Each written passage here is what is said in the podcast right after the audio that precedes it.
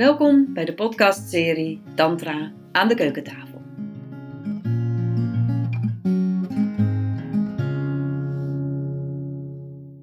Dan kun je eens langzaam gaan intunen op het thema van vanavond. De tantrische relatie. Misschien moet ik het specifieker zeggen, de tantrische liefdesrelatie. Dus misschien heb je daar voor jezelf best een helder beeld van, van wat dat voor jou is. Misschien is het een heel vaag begrip. Maar hoe dan ook, kijk eens of je kunt voelen van welke associaties roept dat op bij je. Tantrische liefdesrelatie. Misschien zit er een verlangen. Misschien zit er weerstand.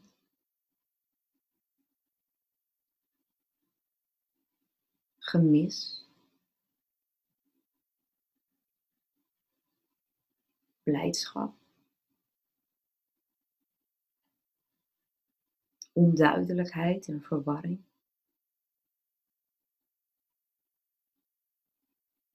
Net als bij het lichaam toen net geldt ook nu dat de uitnodiging is om, om wat er ook is, om niks te veroordelen, om het simpelweg te laten zijn. Er hoeft niks anders.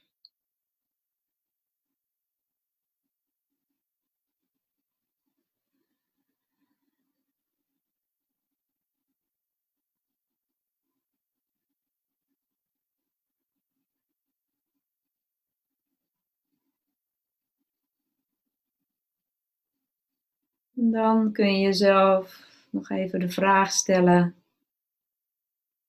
Bij die tantrische liefdesrelatie, waar dacht ik aan? Dacht ik aan een relatie met iemand anders? Een geliefde?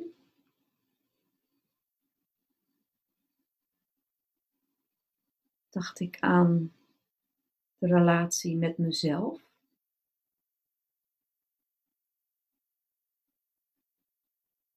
Relatie met God of het goddelijke of mijn essentie? Welke eerste associatie was er eigenlijk bij die tantrische liefdesrelatie?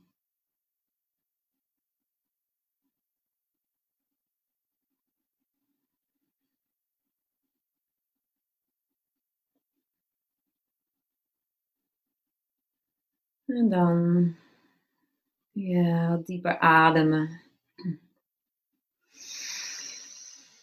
Jezelf misschien even uitrekken. En uiteraard kun je het hele webinar ook je ogen dicht houden. Zeker als je al de hele dag achter een beeldscherm hebt gezeten. Hoef je helemaal niet naar mij te kijken of naar de gallery view met iedereen. Het is maar net wat je zelf fijn vindt. Maar welkom allemaal bij dit boeiende thema. De tantrische liefdesrelatie. En uh, ja, ik noem het natuurlijk tantrisch omdat tantra mijn levensvisie is. Maar misschien kunnen we het ook een bewuste relatie noemen. Of zoals Jan Geurts het noemt, de spirituele liefdesrelatie. Um,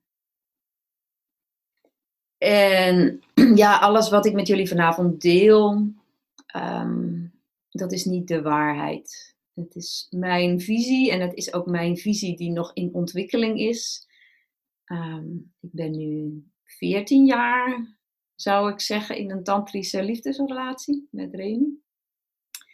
Uh, en dat is een ongoing proces, een, een doorgaande ontwikkeling. En, en zo is het ook met met tantra van mij. Dat, dat gaat steeds maar door en dat verdiept zich. Um, ja, pas onlangs ontdekte ik de podcast van Esther Perel. Geen tantrika, maar ook heel boeiend en, en sluit op een aantal punten ook mooi aan. Dus daar haal ik dan ook weer inspiratie uit. Dus Ehm, ja, kijk ook maar wat jij er vanavond um, uithaalt. Nou, wat eigenlijk voor mij bovenaan staat, als kenmerk van de tantrische liefdesrelatie, is dat ik zou zeggen samen en toch ook apart. Er zijn natuurlijk heel veel mensen die um, geïnteresseerd raken in tantra, dan denken dat het vooral over seksualiteit gaat. Dus dan de conclusie trekken, daar heb ik een partner voor nodig. En ja, ik krijg ook wel eens berichtjes uh, van mensen die zeggen, ja, ik wil wel meedoen aan je workshops, maar ik heb geen partner. Alsof dus de partner een, een, voorwaarde is om aan tantra te doen. Terwijl voor mij is, en zeker de laatste jaren, alleen maar duidelijker geworden dat, um, dat het gaat om een, een spiritueel pad, individueel. En ik zou zeggen, als je in een liefdesrelatie bent, natuurlijk heb je daar gekozen om samen te zijn.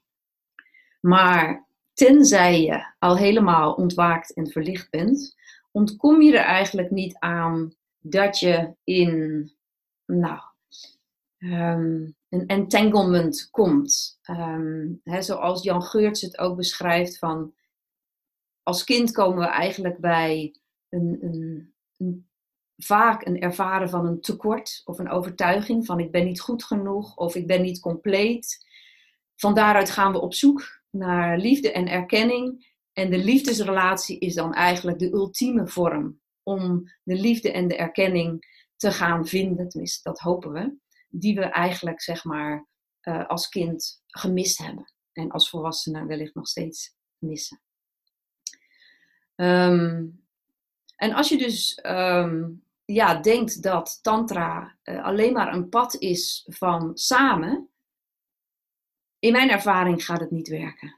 Is het ook behoorlijk ingewikkeld, omdat als je het spirituele pad gaat bewandelen, dan heb je al uh, genoeg aan jezelf, zou ik bijna zeggen. dus als je dan alles wat je gaat onderzoeken en tegenkomen, helemaal in samensmelting met je partner doet, oeh, good luck, zou ik zeggen. Um, dus Jan Geurts die spreekt bijvoorbeeld over het relatiedenken. En hij nodigt je eigenlijk uit om in je relatie dat relatiedenken los te laten. dus niet alleen maar te denken van, oh, dit is het en hier moet het gevonden worden en dit moet perfect zijn en dit moet voor altijd zijn. Um, en hetzelfde geldt ook als je op dit moment geen liefdesrelatie hebt dan ja, is eigenlijk ook de uitnodiging om dat denken in, maar dat is nodig om vervulling te vinden, uh, om te ontwikkelen, dat is nodig en dus moet ik daar naar streven. Um, dus dat is eigenlijk een eerste stap om dat relatiedenken los te laten. En in Tantra dus ook los te laten van dat dat iets met een partner samen zou moeten zijn. Het is natuurlijk mooi, het maakt het ook heel ingewikkeld um, om uh, het pad samen te bewandelen. Het is er alle twee. Maar voor mij staat dus het individuele pad uh, staat voorop. En wat is dan dat spirituele pad? Van wat, wat is dan het, het tantra-pad ten diepste? Dat gaat over het herkennen van je ware zelf. Van de kern in jezelf, essence nature, uh, je ware zelf. Nou, er zijn allerlei woorden voor. Die kern in jezelf waar alles compleet is en waar alles heel is. Wat in feite bewustzijn is, wat in alles en iedereen zit. Ik wil niet zeggen dat ik het er tegenover zet, maar even om het simpel te houden, je zou kunnen zeggen er is die ware zelf. Jan Geurts noemt het zijn. En er is de body-mind. Uh, van heel tastbaar het lichaam tot aan heel um, niet tastbaar de mind, de emoties.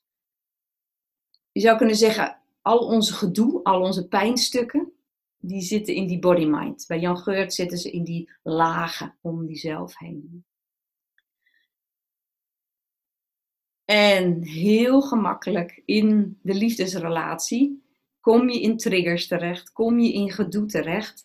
En zit je dus heel vaak op het niveau van de body-mind. Ben je bezig? Ja, maar dit, ja, maar dit, en angst en eh, vasthouden, loslaten, uh, al die gedoetjes, die, um, die vinden, bevinden zich dus op het niveau van die body-mind. En dat is oké. Maar tegelijkertijd willen we in Tantra ook bevrijding. We hebben het ontwaken, het zien van, oh wacht even, maar dat zelfbeeld en de ik die ik dacht te zijn, ah, dat is niet mijn kern, dat is niet wat ik werkelijk ben. Maar dat dan vervolgens, dat idee integreren in het dagelijks leven. En in al die uitdagingen die we tegenkomen, steeds dat maar weer voelen, daar zit de uitdaging.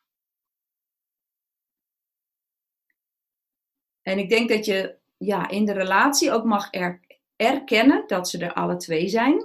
als je, hoe, hoe verder je komt op het pad, hoe meer je eigenlijk meer en meer kunt zakken in die ware zelf. En hoe minder gedoe er is.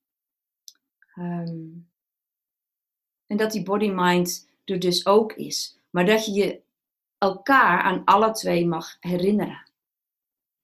En dat merk ik zelf, dat, dat dat echt wel een uitdaging is. Van, ik denk dat iedereen wel weet die nu in een relatie zit of in een relatie heeft gezeten, hoe makkelijk je in een trigger kan gaan. Degene die het meest nabij is, daar kunnen je diepste pijnen bij geraakt worden. Een angst voor afwijzing, uh, bijvoorbeeld.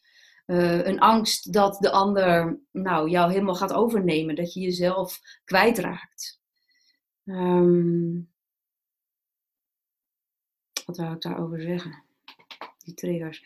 Ja, en dat je daar zo in kan zwelgen en zo door overgenomen kan worden, bij wijze van spreken. Dat als je al die ervaring kent van die ware zelf, en velen van jullie zullen dat al wel eens ergens ervaren hebben, als je al een tijdje op het spirituele pad loopt, maar dat je het gewoon vergeet. Dat je gewoon vergeet dat er ook nog een laag is waarop er eenheid is. Omdat die triggers het zo kunnen overnemen. En ook zo je overlevingsmechanisme ah, aan kunnen zetten. Ehm, dus ik zou zeggen, dus de tantrische liefdesrelatie, die weet dat er naast de body-mind met al het gedoetjes, die weet dat die ware zelf er is in jou en in de ander en herinnert zich daar steeds weer aan, zichzelf en de ander. En hoe je dat doet, dat is een lang proces. Dat is bijvoorbeeld iedere dag mediteren, iedere dag teruggaan naar, naar binnen en langzaam, langzaam dat meer en meer cultiveren.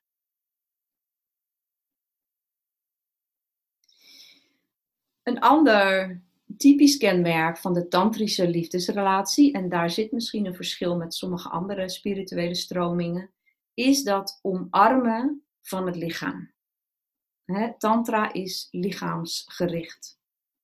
Ehm, dus dat betekent dat je het lichaam erbij betrekt. als je een relatie zou hebben waarin je alleen maar praat en alleen maar vanuit de mind en het hoofd verbindt met elkaar, dan zou ik dat niet snel een tantrische relatie noemen. Ehm, dus dat betekent dat je bewust bent van je eigen lichaam. Uh, dat je zorgt voor een gezonde ademhaling, gezonde voeding. Dat is eigenlijk echt wel gezonde voeding van je eigen lichaam. En dat je ook zorg hebt voor het lichaam van de ander. En dat je weet dat bijvoorbeeld aanraking en de omhelzing, dat dat voedend is. Voor jezelf, uh, voor de ander. Dus het, het lichaam als, als tempel. Um, en dat je jezelf en de ander ook steeds mag uitnodigen om uh, te zakken in dat lichaam. Weet je, als je merkt dat de ander in het hoofd zit door werk, uh, door ja, problemen die er zijn, zorgen, dat je er dan ook voor de ander kan zijn. Van hé, hey, kan ik je helpen om meer te ontspannen, meer naar het lichaam te gaan.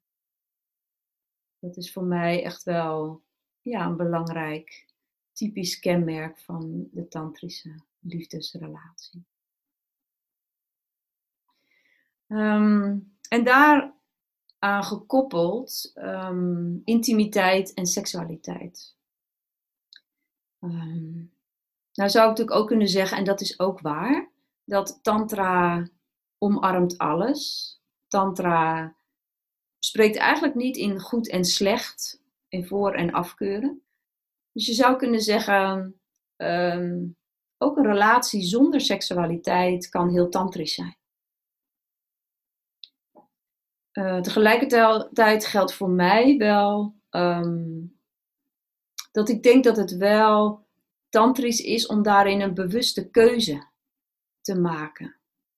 Dus het kan heel goed dat er als beide partners zeggen van hé, hey, op dit moment is er geen seksuele behoefte, er is een hele diepe band, we hebben wel een relatie, maar er is nu geen seksualiteit en daar kiezen we in vol bewustzijn voor, dan is dat vast ook heel tantrisch. um, en het is ook heel tantrisch om bewust te kiezen om seksualiteit een onderdeel van je leven en van de relatie te laten zijn. Um, met alles wat daarbij hoort. Wetende dat er vaak ook een verschil is, uh, zeker als je langer bij elkaar bent. Verschil in beleving, verschil in hoe belangrijk het voelt, uh, hoezeer het geleefd um, wil worden. Um, dus bijvoorbeeld de laatste jaren is dat tussen mij en mijn partner um, ja, regelmatig een issue. En um, daar kan ik soms ongelooflijk van balen. En tegelijkertijd weet ik ook dat, uh, dat ik het ook kan zien als juist een waanzinnige tool tot zelfontplooiing. Het feit dat dit een trigger is, dat hij er in mijn ogen dan niet genoeg voor mij is. ik dus bezig ben met er is een tekort en jij moet dat vullen voor mij, want ik wil jouw aandacht op dit vlak. Ah, nou, dan uh, weet ik weer dat ik helemaal ah, zit in dat stuk van behoeftigheid. Um, en wat ik voor mezelf mag onderzoeken. Van waar komt dit vandaan? Waar is het? Um, ja, het woord ongezond is niet helemaal goed, maar waar is het misschien een nog niet heel stuk in mezelf? Waar ben ik dus blijkbaar nog niet helemaal gezakt in die ware zelf, waar alles oké is? En waar is dit ook um, een menselijk verlangen om te verbinden, om plezier te hebben, uh, om verlangens te vervullen? want ook dat keurt Tantra niet af. Wat dat betreft heeft Tantra verschillende paden. Dat, pad van, van meer en meer naar je ware zelf gaan. En in die ware zelf, daar is acceptatie naar alles wat er is. En dus ook als er een tijd geen relatie is of geen seks is, dan oké, dan is daar bijzonder weinig gehechtheid van ah, het moet er zijn. Maar er is ook uh, in Tantra het mogen genieten. Het mogen genieten van het leven, van het lichaam, van seksualiteit, uh, verlangens. Dus daar is het steeds zoeken naar. Van waar is het een, een grijpen of voor andere mensen een aversie, een weghouden vanuit, nou, in de meeste gevallen, een oud kindstuk, een pijnstuk. En waar is het een vrij open verlangen? En dat is denk ik voor heel veel mensen steeds een zoektocht. Waarin je ongelooflijk kan clashen met elkaar. Um, maar ongelooflijk boeiend. En, en ook dus een enorme kans om, om heel diep um, ja, te zakken met elkaar. En het accepteren van verschillen hoort daarbij. Hoe lastig ook. Uh, maar dat is de realiteit. Hmm. Een heel ander punt zit op het gebied van de communicatie. Maar ook daar is het misschien steeds de balans die ik net ook noemde. Dat je aan de ene kant is er de uitnodiging om je verlangens en je behoeften uit te spreken. Of je gevoelens uit te spreken, kenbaar te maken aan een partner. En tegelijkertijd mag je op ieder moment de verwachting dat die ander dat gaat vervullen voor jou, helemaal loslaten. Dus daar zit ook die balans in. Ik mag transparant zijn. Ik mag erkennen wat er is. En jij bent niet van mij. En jij bent op geen enkele manier verantwoordelijk voor mijn geluk.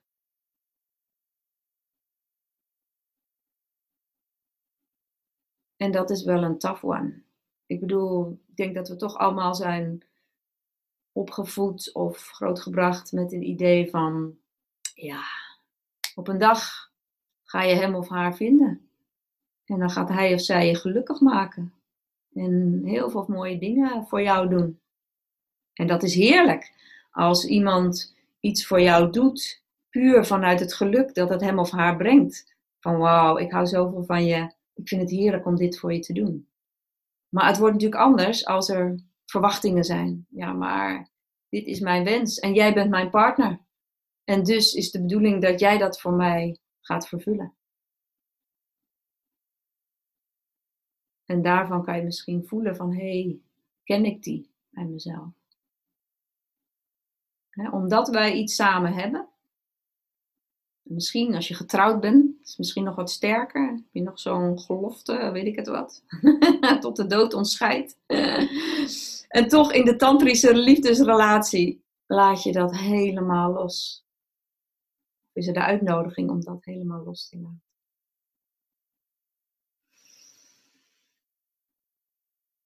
Hmm. Ook dat sluit wellicht weer aan bij ehm, de erkenning van spanda. En spanda is de term in het Sanskriet voor de pulsering van het universum. Wat betekent dat alles altijd in beweging is.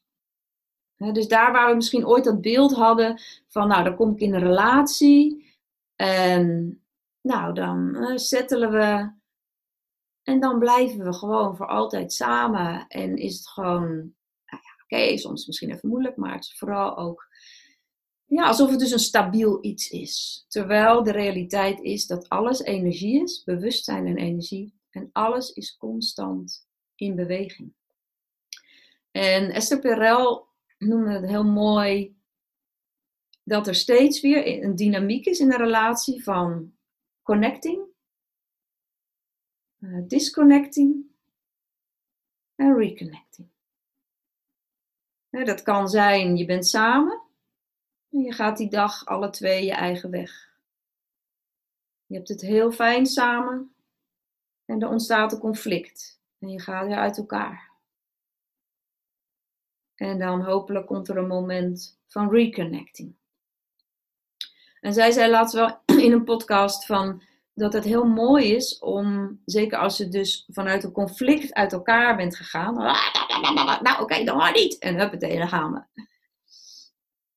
En dat het, het moment van reconnecting ook weer heel bewust mag gebeuren. Dus dat je echt misschien even gaat zitten en voelt van, hé, hey, wacht even, we waren even helemaal uit elkaar gedreven. Oh ja, we gingen weer even helemaal in onze oude kindstukken en onze triggers. Oké, wat kunnen we doen om weer samen te zitten? Eén ding die je bijvoorbeeld kunt doen, die ik ook wel in workshops doe, is dat je je handen eh, zo houdt. Dus de rechterhand is gevend, de linkerhand is ontvangend. En die leg je uh, zo neer bij elkaar dat je vingertoppen op de uh, polsen van de ander ligt. En dan leg je je handen neer, zodat ze lekker kunnen rusten. En dan kan als het ware jullie energie um, weer op elkaar afgestemd worden. Weet je, je kan natuurlijk heel erg de neiging hebben ook, en dat kan ook nodig zijn, om te praten. En oké, we waren in conflict en waar ging het nou over? En soms kan je ook de energetische weg kiezen. Of de fysieke weg, hè, door in een knuffel te gaan. Of in de Shiva Shakti houding, dat de een in de schoot van de ander zit. Oh, hartgebied tegen elkaar aan, samen ademen. En ja, op dat niveau weer um, reconnecten. En een andere manier als je wel in praten gaat, is misschien om een sharing te doen. Zoals ik ook vaak in mijn workshops doe. Is niet een gesprek over en weer, want uh, jullie weten vast wel voor je het weet. Ja, maar dit, ja, maar nee, maar dat bedoel ik niet zo. Ja, maar dit. En je kan ook zeggen: Oké, we nemen nu alle twee vijf minuten of tien minuten. De een deelt en de ander zegt niks. Ja, die is helemaal aanwezig. Die hoort misschien wel even zo zijn eigen verhaal gaan, maar die zegt het niet. En dan zou een, een mooie zin of een mooie vraag kunnen zijn voor zo'n sharing. Wat leeft er nu in jou? Ja, wat leeft er nu in jou? Ik vind dat zelf een mooie vraag, omdat het bij mij niet alleen maar aan mijn hoofd appelleert, maar ook wat leeft er nu uh, in mijn hartgebied? Ach ja, ik voel eigenlijk alleen maar verdriet. Ah, wat leeft er nu? En eigenlijk door alleen al dat te delen, dat is alweer verbinden. Delen en horen van elkaar. Wat leeft er nu in mij? Wat leeft er in jou?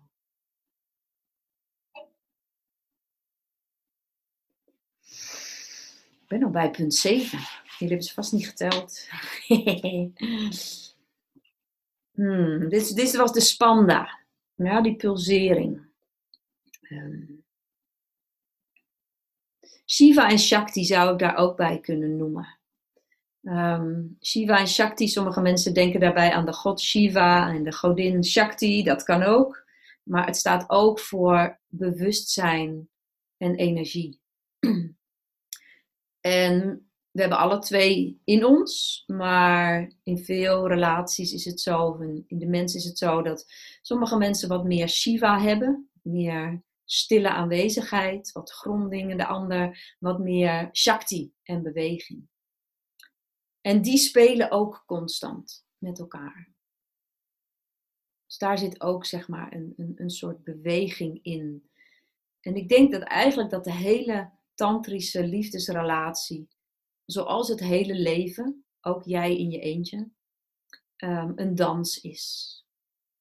Een dans is tussen Shiva en Shakti. Een dans tussen weer even dicht gaan, bijvoorbeeld het hart, en weer open gaan. Ja, tussen verbinding en weer even los. En eigenlijk steeds zo die beweging.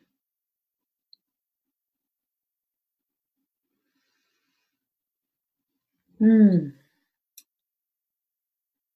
Nou, nog een paar puntjes. In de tantrische liefdesrelatie bestaat er geen vreemdgaan. Ah. Wat zou ik daarmee bedoelen? Um, een tantrische liefdesrelatie kan zeker monogaam zijn. Vanuit een vrije keuze. Ik denk zelf dat een verplichte monogame visie vanuit angst, vanuit uh, de overtuiging, ja maar jij bent van mij, um, dat, die, dat dat niet resoneert. Um, en dat betekent dat in iedere relatie dit onderzocht mag worden. Van hé, hey, hoe is dat bij ons? Wat is daarin mijn verlangen? Wat is daarin jouw verlangen? Um, wat ik wel, wat mijn ervaring wel is, is dat als mensen net bij elkaar zijn, dat het dan heel verstandig kan zijn om dan wel een tijd voor monogamie te kiezen. Tenzij je een zeer ervaren polyamorie eh, persoon bent, maar voor de meeste mensen geldt wel dat er eigenlijk eerst een basis van veiligheid nodig is, um, voordat er, dat het ook open kan gaan. En ja, dit open aspect, dat is een, eh, een prachtige aanleiding natuurlijk voor uh, ongelooflijk veel onderzoek.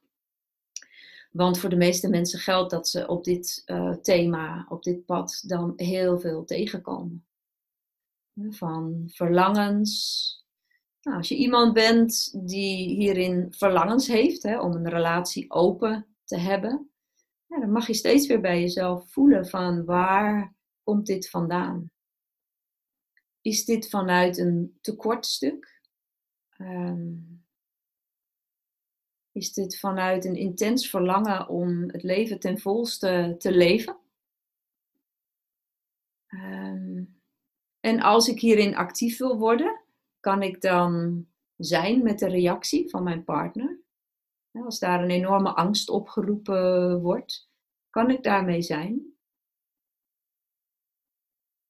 En kan ik dan authentiek blijven voelen? Wat betekent dit? En als je degene bent die hierin sneller verlatingsangst heeft, um, of geconfronteerd wordt met iemand die, met een partner die meer misschien mensen wil ontmoeten. Van wow, wat raakt dit in mij? welke angst uh, wordt hier geraakt? Um, ja, wat doe ik daarmee? en kan ik, dat, kan ik daar transparant over zijn? Kan ik dat uitspreken? En heb ik vervolgens toch de kracht en het vertrouwen om niet het te verbieden aan mijn partner. Toch vanuit het idee van we zijn niet van elkaar. En we kunnen in feite elkaar niks verbieden. Je kan wel zeggen, natuurlijk van, maar wacht even, deze uitdagingen zijn voor mij te groot. Dit triggert voor mij zo ontzettend veel. Eh, dat ik voor mezelf wil zorgen en dat dit dus niet gaat voor mij. En dan is het samen voelen van oké, betekent dat dan dat de ander het loslaat? Of betekent het dat jullie wegen elkaar scheiden? En alle twee is goed. Het uit elkaar gaan, daar kom ik zo nog op. Maar alles is altijd in verandering. En ook deze relatie stopt ooit als je in een relatie zit. Het zij door de dood, het zij doordat je besluit ehm, dat het zinvoller is om, om los, apart door te gaan of in een andere vorm door te gaan. En we hebben daar wel vrij sterk, denk ik, een norm over. Van ja, je hoort eigenlijk bij elkaar te blijven. En ook uit elkaar gaan kan een, een, een, een handeling vanuit liefde zijn.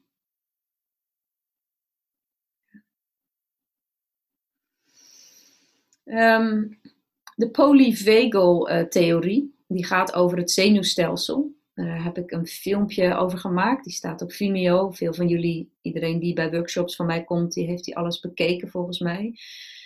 En dat is geen tantra, um, maar wel een, een, een goede theorie. Hè. Die gaat dus over het zenuwstelsel, de polyvagal-theorie. Um, die kan goed zijn om daar meer over te leren. Ehm, zeker als je bijvoorbeeld dit stuk van uh, monogamie en polyamorie, of hoe je het ook wil noemen, de, de open relatie, als je dat gaat onderzoeken. Omdat daar nog wel eens intense triggers uh, bij, uh, hoe zeg je dat? Dat je nogal intens getriggerd kan worden. En um, als je snapt hoe het zenuwstelsel werkt, dat wil helaas nog niet zeggen dat je gelijk de oplossing hebt. Want oplossingen sowieso uh, gaat het niet per se over. Maar dat bij jezelf kunnen herkennen of bij je partner kunnen herkennen, kan heel waardevol zijn.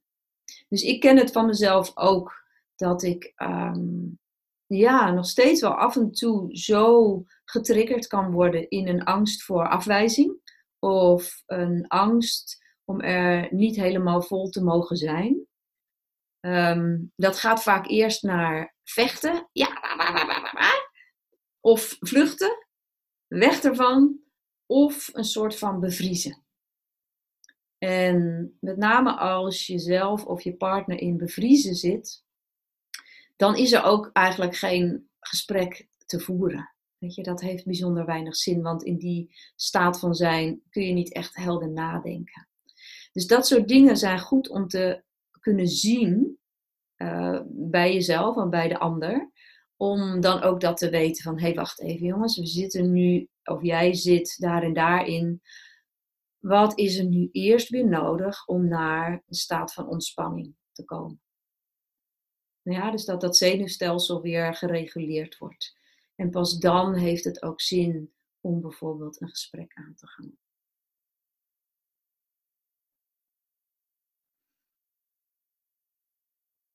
Ja, kom ik dan nu inderdaad bij dat uh, uit elkaar gaan.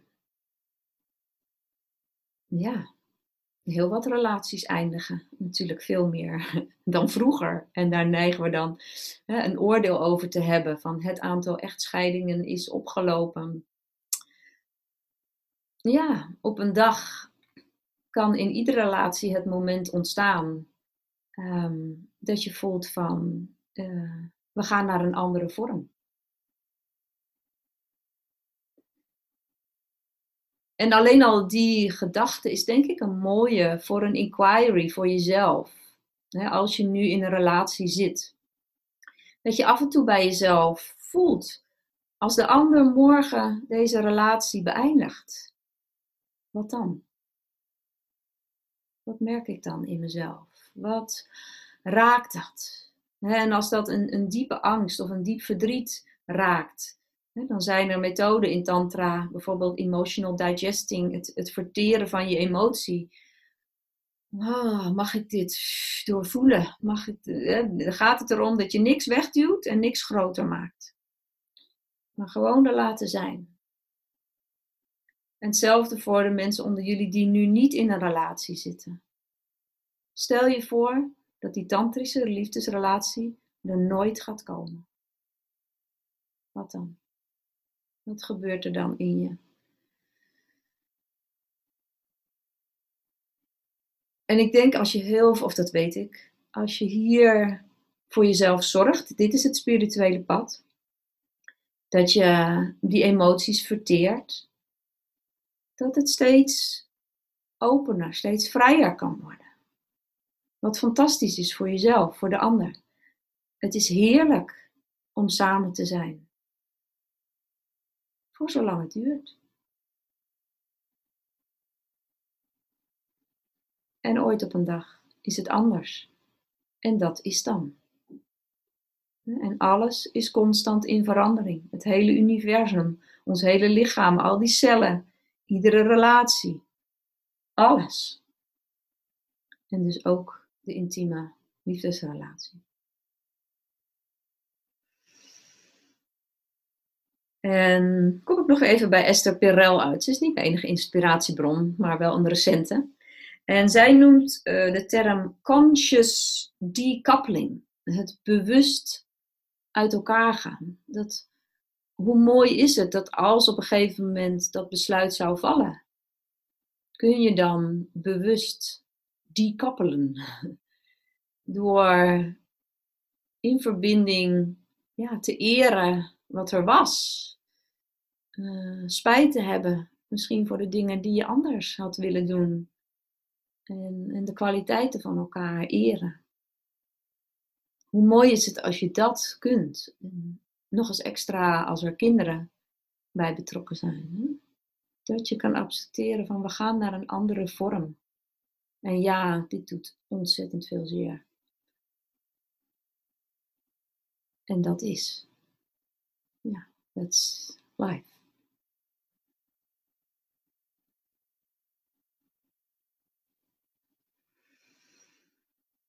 Hmm. Nog een ene laatste punt wat ik wilde noemen. Ik, ik, lang geleden las ik eens een boek. En dat heette volgens mij Angst of Liefde. Geen idee wie de auteur was. Als iemand het weet, mag ik het in de chat window zetten.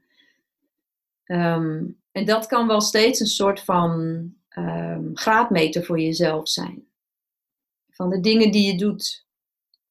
Zowel in een relatie als voor de mensen die nu niet in een relatie zijn. Het, het zoeken naar een relatie, het uitreiken. Ehm, is het vanuit angst? Is het vanuit liefde? Ehm, waarbij we wel weer mogen oppassen dat we dan, als, als het vanuit angst is, dat het er niet over gaat om dat dan te veroordelen. dat is wat Jan Geurts ook beschrijft. Van ontdekken van, oh, eh, ik, ik, ik, het is, eh, ik voel me nooit goed genoeg. Jezus, Mina, zeg, uh, dat ik dat dan weer voel. Dus daar komt dan nog weer eens een zelfafwijzing overheen. Uh, je mag het zien, je mag ermee ademen als iets vanuit angst is. Je mag erom glimlachen. En tegelijkertijd kan het dat er een, een diep verlangen is om meer te bewegen naar de liefde. Dus dat is het subtiele, de subtiele nuance. In plaats van, oh, ik doe nu iets uit angst. Oh, dat is niet de bedoeling. Eens even kijken hoe ik iets dan vanuit liefde kan doen. nou ja, ze zijn er alle twee. We mogen alle twee gezien worden. Um, en tegelijkertijd geloof ik dat de meeste mensen een, een natuurlijk aangeboren verlangen hebben om vanuit liefde te handelen. Um, als allerlaatste had ik opgeschreven: niks is heilig en ook de tantrische liefdesrelatie niet. Um, dus probeer vooral niet een ander ervan overtuigen dat dit het zou moeten zijn. Het kan iets zijn waar je zelf naar verlangt. Natuurlijk is dat wel een vraag die ik vaak krijg. Um, ja, en ik wil iets met Tantra, maar mijn partner niet. En hoe moet dat nu? Dan um, zou ik zeggen, en Jan Geurt zegt eigenlijk bij de spirituele liefdesrelatie hetzelfde: je gaat je eigen pad. Je gaat je eigen spirituele pad. Je doet jouw meditatie. Um, en je kijkt wat het effect is als je met een partner bent. Misschien als de partner jou gaat verbieden om dit te doen, dan is het misschien tijd om afscheid te nemen. Tenzij je daarvoor kiest om in een relatie te zijn waarbij er iets verboden wordt. Wie zegt dat dat niet goed is? Dat is een eigen keus. Um, maar ik denk dat het um, kan als, er, als ieder, nou ja, de ander doet het misschien ook, hè? dat spirituele pad bewandelen. Alleen met andere woorden of geen woorden. Um, maar als jij je pad gaat bewandelen, ik geloof altijd, en dat zie ik in Tantra ook, dat je omgeving met je meebeweegt. En hoe minder je daar eigenlijk van de ander verwacht, hoe makkelijker dat zal gaan. Hmm.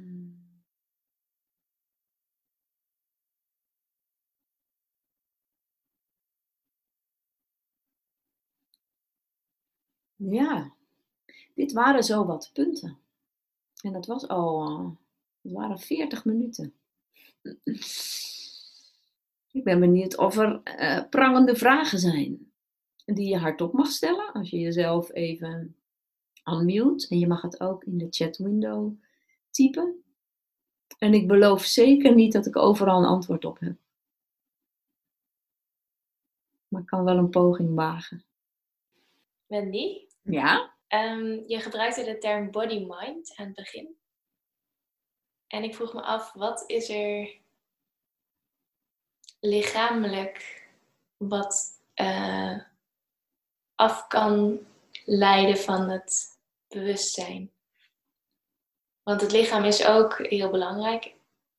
Of een soort van basis ook. Ik weet niet, ik heb, heb niet goede woorden ervoor, maar... Mm -hmm. um, ja, dus, dus de mind, dat snap ik, dat het denken en emoties. En, en die zetten zich vast in het lichaam. Aha, okay. Dus dat noemen we samskara's. Uh, dus dat zijn uh, onverwerkte pijnlijke stukken. En die zou kunnen zeggen, die zitten dan bijvoorbeeld in je mind uh, in de vorm van beperkende overtuigingen. Maar ze zitten ook op allerlei manieren in het energielichaam en in het fysieke lichaam. Aha. En bijvoorbeeld de-armoring, dus de drukpuntmassage, is een van de manieren om dat ook fysiek, zeg maar, vrijer te maken en open te maken. Ja. Dus ook in het lichaam um, ja, ontstaan gedurende het leven eigenlijk allerlei um, knots, um, ik weet even het woord niet meer, maar knoopjes. Hè, in, in bijvoorbeeld de chakra's, in de bindus, in de energiekanalen. Eigenlijk allemaal knoopjes, zou je kunnen zeggen. Is dat wat je bedoelde? Ja. Ja, dank je.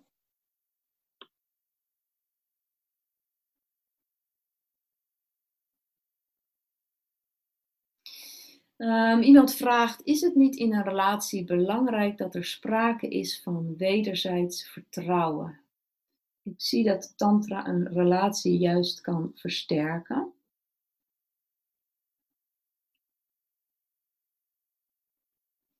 Even te denken: van, heb ik gezegd dat er geen wederzijds vertrouwen is?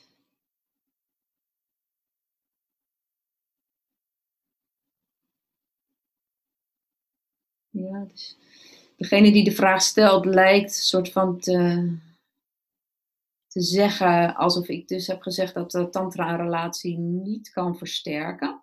Maar dat geloof ik natuurlijk zeker. Ehm, alleen hoeft niet alles af te hangen van de relatie. De relatie is eigenlijk, ik zie het eigenlijk als een soort van mooi extra. Hè? Van je hebt eigenlijk de liefdesrelatie met jezelf. En als dat je ware zelf is, dan is dat in feite ook God. En die andere is een soort van, ja, kers op de taart. Heerlijk. Hè? Niet een voorwaarde om gelukkig te zijn, maar wel een leuk extraatje. Um, wederzijds vertrouwen. Ja. Veiligheid. Ja. En tegelijkertijd impliceert dat iets van de ander ik, ik zou zeggen, natuurlijk gevoelsmatig zeg ik ook, en vanuit de body mind zeg ik dit ook, ja, er dient veiligheid te zijn. Of we zoeken naar veiligheid in een relatie. En dan toch weer op dat diepere niveau, ja, wat maakt dat er veiligheid is? Als ik volledig veiligheid in mezelf ervaar, dan ervaar ik het ook in de relatie, of ik ga uit de relatie. Als de ander consequent dingen doet die voor mij onveilig zijn, ondanks al mijn veiligheid in mezelf, dan ga ik eruit.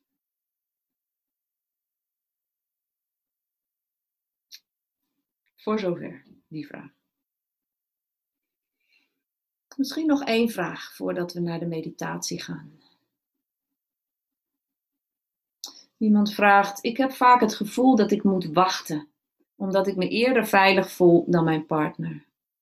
Hoe zou ik daarmee om kunnen gaan? Ja, sommige mensen, zoals ik ook, die mogen heel veel geduld oefenen. um, en je kan natuurlijk hè, dus geduld oefenen in jezelf. Um, als je meer weet over dat zenuwstelsel, kan misschien helpen. En weten van je partner, um, wat, hoe kan ik jou helpen om je veilig te voelen? Wat heb je nodig? Zonder dat het manipuleren wordt. Of in de zin van, wacht even, als ik nou iets doe zodat jij je snel veilig voelt, dan kunnen we doen wat ik altijd al wilde doen. Ah, dat, is, uh, dat is ook een tricky one. Uh, maar nee, natuurlijk, weet je, zorg voor elkaar, zorg voor elkaars lichaam, oog hebben voor, hé, hey, de andere is in stress, uh, wat kan ik dan doen? Um, ja, en in iedere relatie speelt die, die, die dynamiek van veiligheid, willen en nodig hebben, en spanning en uitdaging. Ja? En sommige mensen zitten heel erg van ja, maar ik moet heel veel veiligheid hebben. En de ander zegt ja, maar om het leuk te hebben wil ik heel veel uitdaging hebben. En dat wil nog wel eens botsen. En dan als laatste, hoe oh, ga je om met jaloezie? Ja. Hoe ga je om met jaloezie is, is één groot naar binnen gaan. Wat wordt hier geraakt? Welke angst? Angst dat de ander leuker is. Uh, het is uiteindelijk, als je het dan hebt over uh, een open relatie. Hè, en je partner date met iemand anders. En daar hebben jullie het over gehad. En je hebt misschien ook afspraken erover gemaakt. Dat kan heel handig zijn. Van wat wel, wat niet. Uh, hoe kan dit veilig zijn? Hoe kan dit oké zijn voor alle twee? Um, en als je dan in die jaloezie gaat van wow, wat, wat wordt hier geraakt in mij? Welke angst van hè, dat de ander ehm, het leuker heeft, dat hij bij je weggaat, et cetera, et cetera. En kan dat op een gegeven moment omturnen naar, maar ik wil dat mijn partner gelukkig is. En als mijn partner een heerlijke tijd kan hebben met iemand anders, iemand anders die misschien ook in is voor iets waar ik allemaal niet zoveel zin in heb, kan. Wauw, wat prachtig. En dat is een behoorlijke omslag, die niet iedereen zomaar kan maken en misschien sommige mensen gewoon helemaal niet. En dat is ook oké. Maar het is een enorm verschil tussen, maar jij gaat ergens anders iets halen en dat zou je eigenlijk bij mij moeten halen. En nu is die ander vast, dit en dit en dit en dat. En maar ja, het, hele systeem kan compleet op slot gaan hè, van zo'n ervaring. Naar van wow, ik merk dat het me raakt. Ik merk dat ik bang ben dat je het leuker hebt bij haar. Maar ik weet ook dat jij hier naar verlangt. En ik, ik vind het heerlijk als jij een mooie tijd hebt. Ik vind het wel heel fijn als, als je dan terugkomt, dat wij het ook fijn hebben. dus als je terugkomt en helemaal zagrijnig dat je weer met mij moet zijn, dat vind ik wel lastig. Maar als jij de energie en de liefde die je daar gevoeld hebt, als je die mee naar huis neemt. En van liefde is het niet zo dat als je aan persoon A geeft, dat er dan niet genoeg over is voor B. Hè? Dus hoe meer je aan A geeft, hoe meer dat groeit en hoe meer er ook nog voor B is. Dus als je dat mee naar huis neemt, wauw, nog steeds moet ik misschien af en toe huilen, omdat ik het zo spannend vind. Maar oh wauw, dat dit tussen ons hier kan zijn. Dat is ook wel eh, heel erg mooi. En vaak ook wel binnen grenzen. Van, wat betekent dat dan? Is, is je partner op een gegeven moment altijd bij iemand anders? Ja, dan zeg je hallo, wacht eens eventjes. dus het is een constante communicatie ook die daar nodig is. Wendy, mag ik nog een vraag stellen? Tot slot. Ja, heel snel. op de valreep. um, ik herken zoveel van wat je vertelt trouwens. Dus er zijn duizend vragen in mijn hoofd. Mijn belangrijkste vraag nu is denk ik, je hebt, alles stroomt, alles is in beweging. Uh, is er wel echt veiligheid? We moeten elkaar vrij laten. Alles mag bestaan. Het is heel vrij. En mijn vraag is, en, en ik voel dat ook zo. Ik wil dat ook graag zo. alleen soms is het moeilijk, omdat je toch um, niet alleen vanwege de ander, soms wel, uh, maar ook voor jezelf uh, behoefte hebt aan een soort stabiliteit. En ik merk dat ik mezelf dan verlies in de vrijheid, bij wijze van spreken. Ja. Um, ik zou, uh, ik vroeg me af of je misschien tips hebt of, of waar je het zou moeten zoeken. Als je, eh, wat is, waar zit dan nog wel stabiliteit? Waar zit dan nog wel iets van zekerheid met elkaar? Wat, welke, welke, welke dingen zouden we daarvoor kunnen aanwijzen? Om, om te zoeken. Ja, kijk, op een existentieel niveau is er geen zekerheid. Jij kan dood zijn, maar ik kan er morgen dood zijn. Dat is wel heel nihilistisch. Maar Het is wel heel, heel dramatisch, maar op dat hele diepe niveau niet. Maar op een praktisch niveau wel. Uh, voor mij geldt bijvoorbeeld wel, ik zou denk ik niet in staat zijn om verschillende gelijkwaardige relaties met verschillende mensen te hebben, denk ik nu. Dus het betekent dat er één committed relatie is. En die relatie staat centraal. En contacten met anderen dienen eigenlijk onze relatie altijd te versterken, te verbeteren. Dus die staat wel, zeg maar, en zo zie ik het, dat kan iemand anders anders zien, mm. maar dat is nummer één. En dat is de commitment. En ja, voor nu gaan we, hebben we, zeggen we ja tegen elkaar. We weten niet hoe het volgend jaar is of over tien jaar, maar nu is het een ja. En alles aan te gaan samen. En dat kan dat er soms misschien eens een ander contact is. Ja. Maar de commitment is wel dat wij nummer één zijn.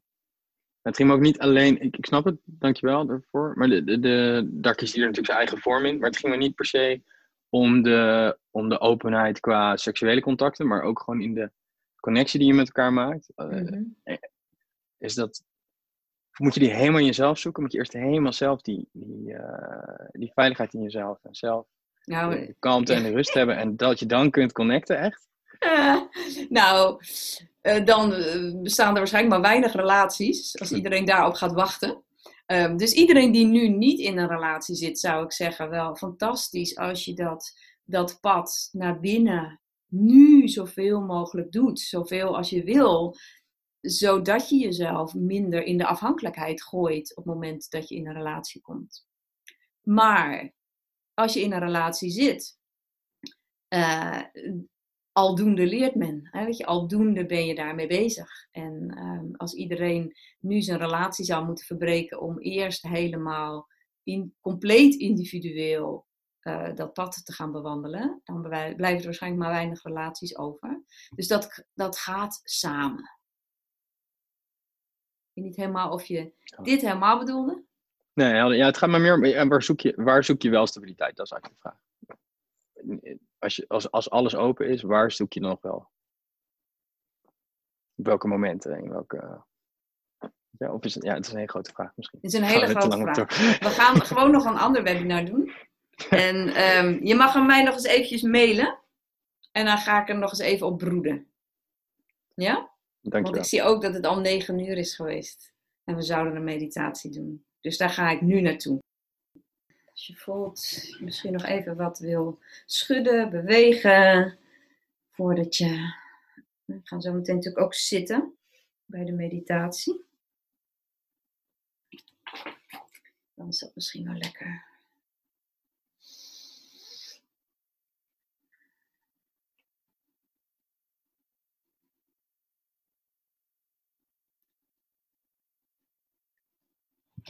En ook al kun je deze meditatie samen met iemand doen, ik stel eigenlijk voor dat iedereen hem op zichzelf doet. En wie weet mensen die samen zijn, dat ze daarna, als het webinar is afgelopen, nog samen willen doen of op een ander moment. Dus je mag uh, komen zitten in de meditatiehouding. En um, het is een vrij nieuwe meditatie. Een hele enkeling van jullie heeft hem al gedaan en alle anderen nog niet. Dat weet ik 100% zeker. En ik noem hem de Heart Union. En ik zou hem ook de Inner Marriage kunnen noemen. Het, het samensmelten van Shiva en Shakti in jezelf. Nogmaals, dat zou je kunnen zien als het mannelijke en het vrouwelijke. Ehm, maar daar hebben we ook weer allemaal zo labels op, hè, van wat mannelijk en wat vrouwelijk is. Dus dat laat ik liever los. Ehm, en voor mij staat Shiva dus voor bewustzijn en Shakti staat voor energie. En dat zijn we allemaal. We zijn allemaal bewustzijn in de vorm van een bepaalde energie. En je zou kunnen zeggen dat uh, Shiva, die huist uh, bij de kruin boven. En Shakti, is eigenlijk moeder aarde, die zit beneden. En ik geef verschillende instructies voor mannen en voor vrouwen. Maar dat is ook maar een concept. En als je zelf niet echt een indeling voelt van man of vrouw, of je voelt gewoon dat je de andere variant wil doen, dan is dat helemaal oké. Okay. Ehm, in de meeste tantra-meditaties combineren we een aantal dingen. En dat is eigenlijk de, het geheim van de tantra-meditaties. Dat betekent dat we iets visualiseren. We hebben een bepaalde ademhaling. En vaak hebben we ook een beweging van het lichaam. Um, en wat we nou zo meteen gaan doen, en ik zal het voordoen, eerst voor de vrouwen. De vrouwen, als je even naar mijn beeld kijkt, die beginnen straks met de handen beneden, bij de aarde, bij het bekkengebied. En op de inademing ademen ze naar het hart. En op de uitademing blijven de handen eigenlijk ter hoogte van de hart en die openen wat. Dus je kan even meedoen als je wil, als vrouw. Je kan doen alsof je door een rietje zuigt op de inademing en uitademend Eigenlijk hier alsof je het in je eigen hartgebied laat verspreiden. Dus dit is de Shakti, de Shakti-energie die je naar het hart haalt. Voor de mannen is het andersom. Dus degene die de Kundalini-lift kennen, inademend van boven. En bij het hartgebied je handen naar voren. Alsof je dus de energie hier verspreidt. Dus eigenlijk, de mannen beginnen met de Shiva-energie, of de Shiva-bewustzijn, naar het hart te brengen. De vrouwen beginnen bij Shakti, naar het hart. Op een gegeven moment zal ik zeggen, we wisselen van pool. En dan gaan de mannen dus Shakti toevoegen. Je kunt je voorstellen, je hebt eigenlijk allemaal Shiva naar dat hart gebracht. En daar ligt hij te wachten op Shakti, zijn geliefde, tot die naar het hart gebracht wordt. En dan breng je ze dus in wezen samen. En de vrouwen beginnen beneden en voegen dan Shiva toe. En op een gegeven moment, de derde fase, zal ik zeggen van, en kijk maar wat er nu wil zijn. Als je dan bij Shiva was, misschien blijft dat. Maar misschien ga je het ook afwisselen. Dus van beneden naar het hart uitademend en van boven naar het hart en uitademend. En dat mag je gewoon helemaal loslaten. In het begin is er altijd de techniek, daar hou je aan en op een gegeven moment kan het gewoon gebeuren en hoef je niet meer na te denken. Misschien gaan je handen wel anders bewegen. Ehm, en ook dit is ook de fase dat je tegenover een partner kan zitten en dat je ook, uh, dat doen we dan niet nu, maar als je het later nog eens met een partner zou doen, dat je zegt, oh, dan gaan we kijken wat er samen ontstaat. En dan is er misschien een tegengestelde beweging, maar misschien gaat het ook tegelijk op. En op een gegeven moment kan er een en al samensmelting zijn. Zowel in jezelf, Shiva Shakti, als jij en je partner.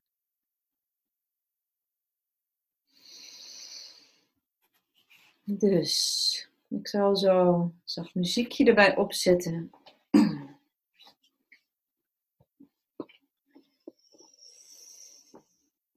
En we zullen het denk ik nou, 10 minuutjes ongeveer doen. Dat is eigenlijk niet lang genoeg om helemaal erin te zakken en helemaal het effect ervan te voelen.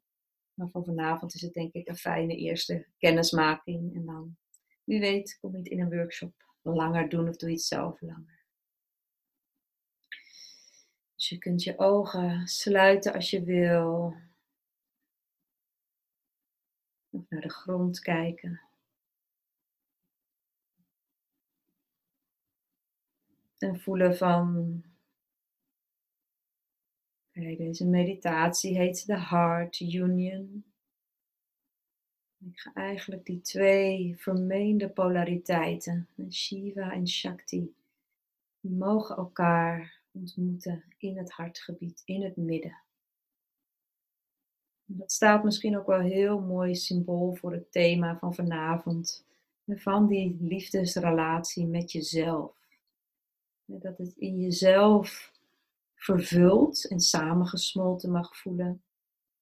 En dat dus een relatie met een ander geen opvulling meer hoeft te zijn, maar gewoon een mooi extraatje om samen het leven te vieren.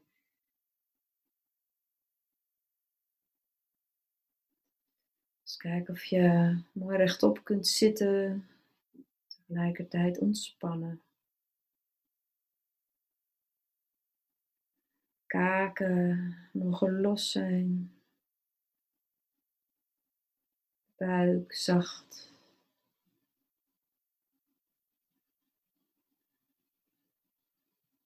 De mannen focussen op de plek waar Shiva woont, als het ware, boven de kruin. Op de inademing. Het kan handig zijn om je handen mee te nemen. Het hoeft niet, maar het helpt vaak. Inademend. Naar het hartgebied en uitademend.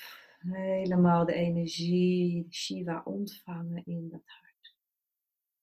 Dus de mannen gaan daarmee door en de vrouwen die starten uit de aarde, Shakti omhoog.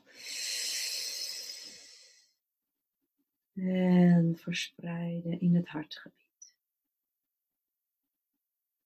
Als je deze beweging maakt, kun je eventueel de bekkenbodemspier licht aanspannen op die inademing. Dat geldt alleen voor de vrouwen.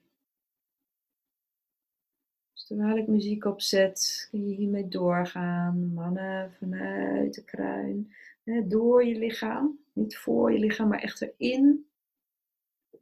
En de vrouwen ook, als je de energie omhoog trekt, door je lichaam heen. Door de baarmoeder, zonnevlecht naar het hart.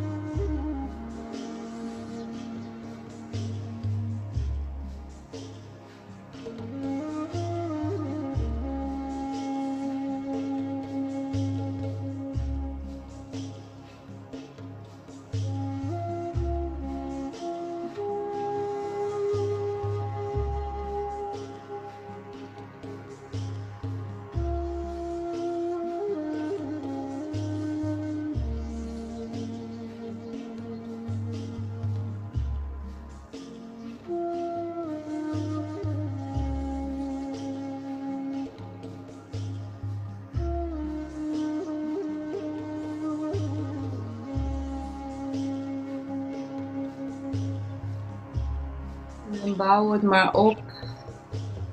Mannen meer en meer Shiva brengend. Vrouwen meer en meer Shakti. Er mag een verlangen ontstaan naar de wederhelft. Nog een paar keer deze pool.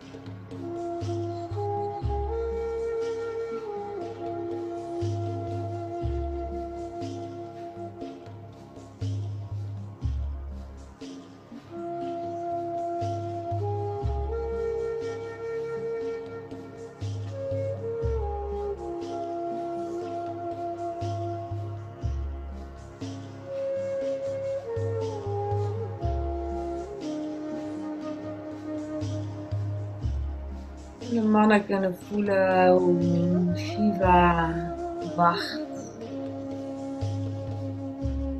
In dat hart. Vrouwen kunnen voelen hoe Shakti wacht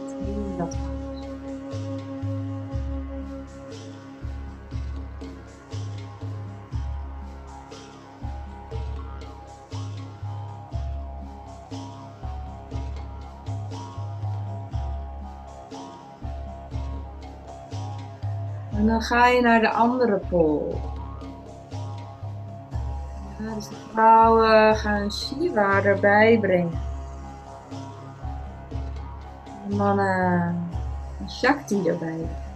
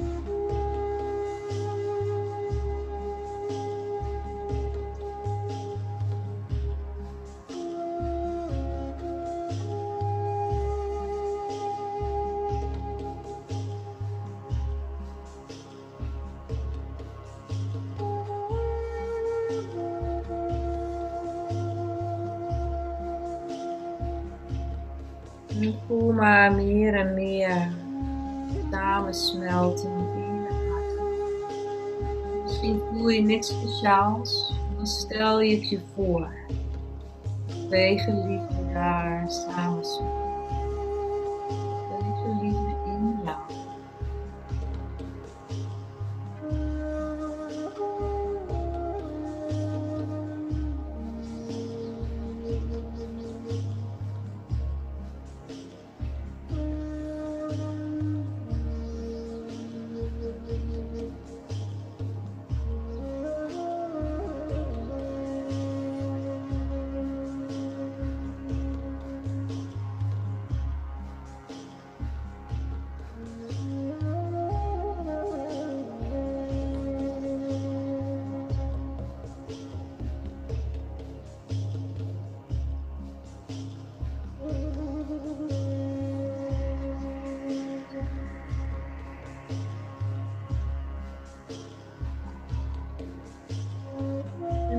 Laatste stap kun je intuïtief voelen.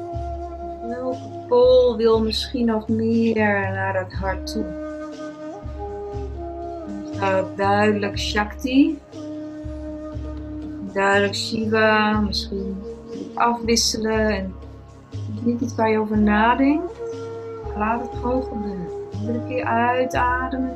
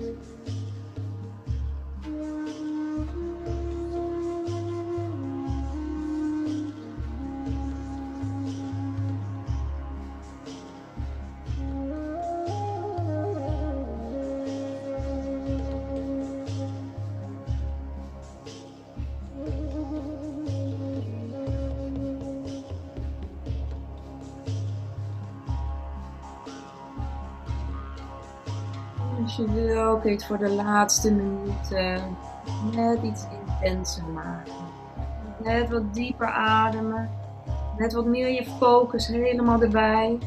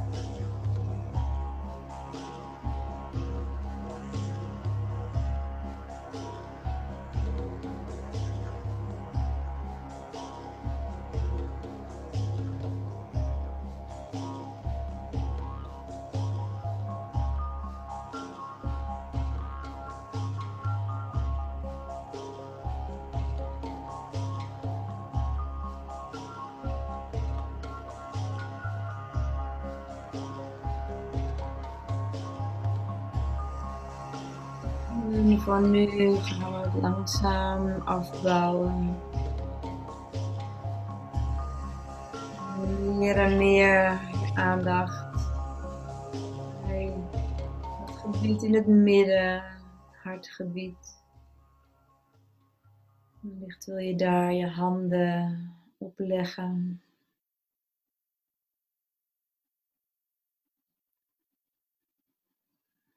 Het gebied misschien wel symbool staat voor je essentie, essence nature, de plek waarin alles heel is, alles compleet.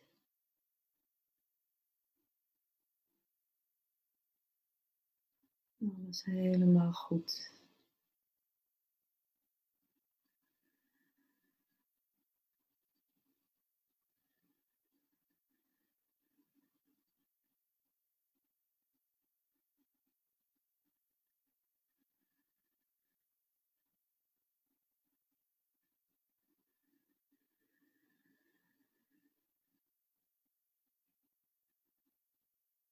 Als we hier zijn, in ons centrum, dan kunnen we in het midden zijn. Dus dan hoeven we niet uit te reiken omdat we het gevoel hebben dat er een tekort is. Maar we hoeven ook niet terug te trekken uit angst om overweldigd te worden. Wat dan. Dus dan kun je in dat midden zijn.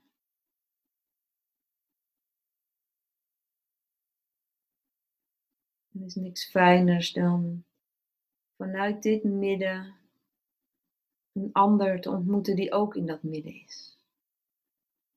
Dan kan er eigenlijk ultieme, of dan is er ultieme openheid, bewegingsruimte om te spelen, om te ontdekken.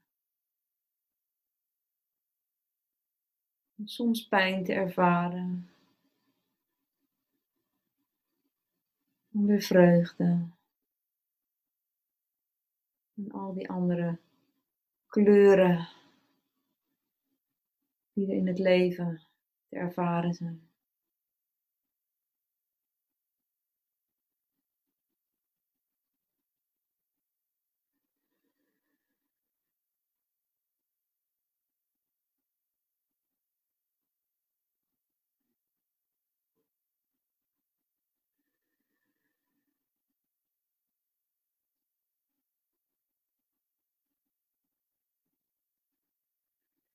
Dan kun je langzaam jezelf terugbrengen.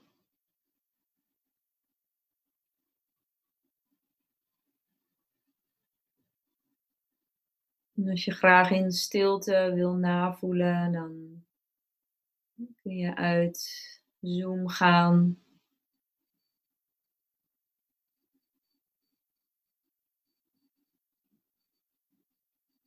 En als je nog iets wil vragen of je wil iets zeggen of in de chat window kwijt, dan, uh, dan kan dit. En Zeker de mensen die al ervaring met tantra meditaties hebben, die kan enorm variëren met deze meditatie. dus als je dit man-vrouw doet, dan is er dus ligt eerst een tegengestelde beweging en daarna wissel je alle twee. Um, maar het kan ook dat het tegelijk gaat. Het, het kan dat je op een gegeven moment de hand op het hart legt van de ander. Het kan dat je in Shiva Shakti gaat zitten en zo het hart ook laat samensmelten. Um, ja. Van alles mogelijk. En ook op jezelf. Um, ja, ik denk dat dit een hele mooie meditatie is. Die kan je opnemen in je dagelijkse practice en iedere dag een aantal minuten doen. Um, kan ontzettend veel rust gaan geven. Ook juist voor de mensen die nu niet in een relatie zitten. Om, om die Shiva Shakti samensmelting, die een soort van symbool staat voor ja, menselijk verlangen om samen te smelten met iemand anders. Um, om die gewoon iedere dag in jezelf te voelen. Dat dat heel waardevol is, maar dus ook als je in een relatie bent. Eigenlijk maakt het niet uit.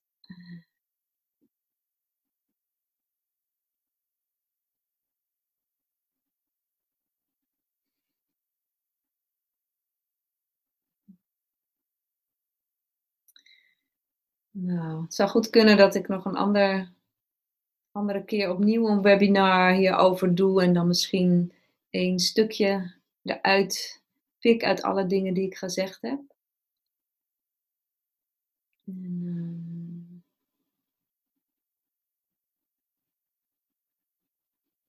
ja, als er nog iemand een vraag heeft, dan, uh, ik noem hem, uh, hij is bij mij ontstaan, uh, Josette. Dus ik heb er zelf een naam aan gegeven. Op een gegeven moment kwam deze meditatie door. Dus ik noem hem de Heart Union. Maar inner marriage vind ik ook wel mooi. ja. En, en, nogmaals, dit was, ik denk, 12 minuten. Zoals jullie weten is meestal een meditatie bij mij minimaal een half uur en soms wel drie kwartier. Dus als je hem een, wil, een keer wilt doen, doe hem dan eens echt een half uur. Uh, want dan heeft namelijk de ademhaling ook een enorm effect. Um, als je vrij lang intensief ademt. Dus dat, uh, dat wil je ervaring uh, nog wel eens uh, enorm verdiepen. En, en, vaak hebben we ook tijd nodig om de mind even te laten gaan. Meestal de eerste tien minuten. Ik had het zelf nu niet, maar soms heb ik het wel bij meditatie dat de eerste um, tien minuten soort van alleen nog maar bla bla is en daarna zak ik pas. Dus,